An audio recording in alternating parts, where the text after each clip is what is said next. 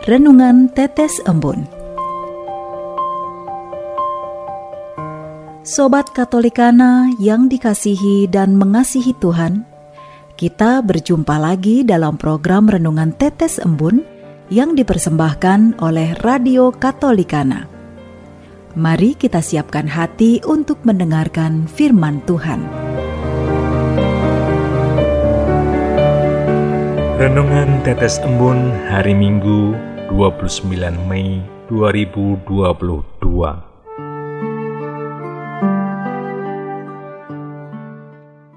Supaya mereka menjadi satu.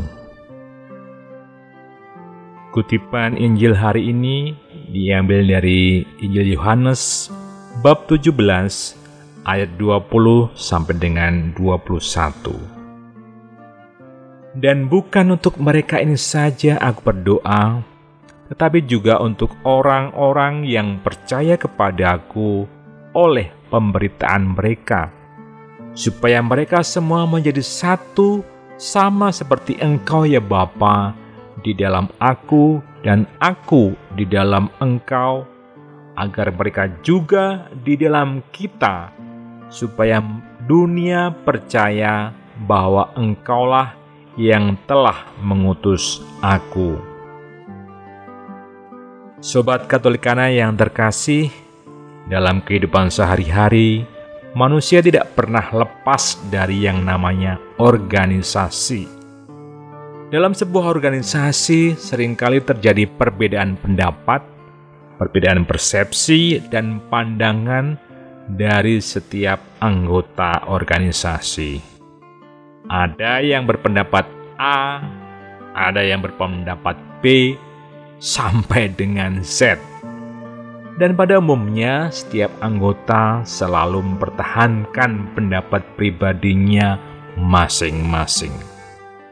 Nah, akhirnya di dalam organisasi itu terjadi konflik, pertentangan, dan masing-masing lupa pada tujuan organisasi sehingga di dalam organisasi itu tidak ada lagi yang namanya kesatuan hati, tujuan, dan pikiran.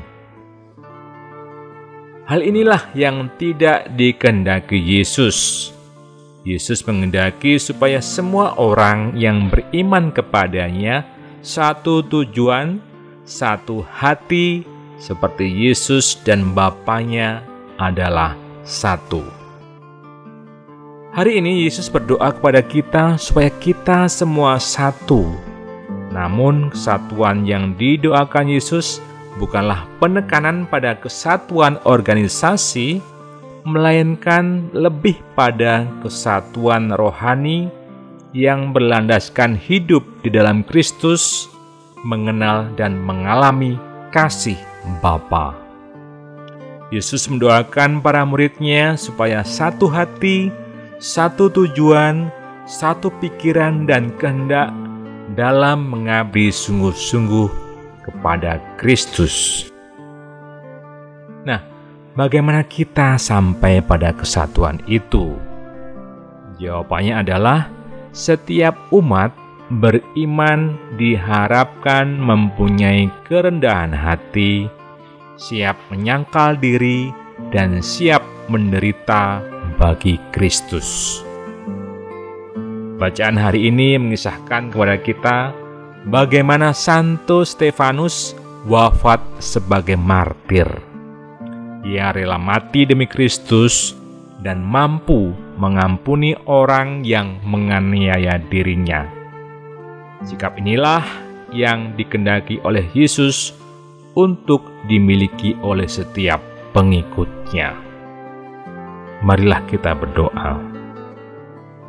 Ya Bapa, berkatilah kami supaya kami mampu menjadi satu iman, satu harapan, dan satu cinta, sehingga kami benar-benar menjadi murid Yesus yang sejati. Amin.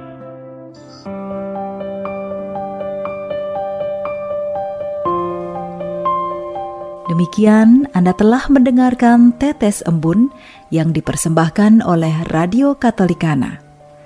Renungan Tetes Embun bisa Anda simak di Radio Katolikana, media sosial Radio Katolikana, dan YouTube Katolikana. Terima kasih dan sampai jumpa.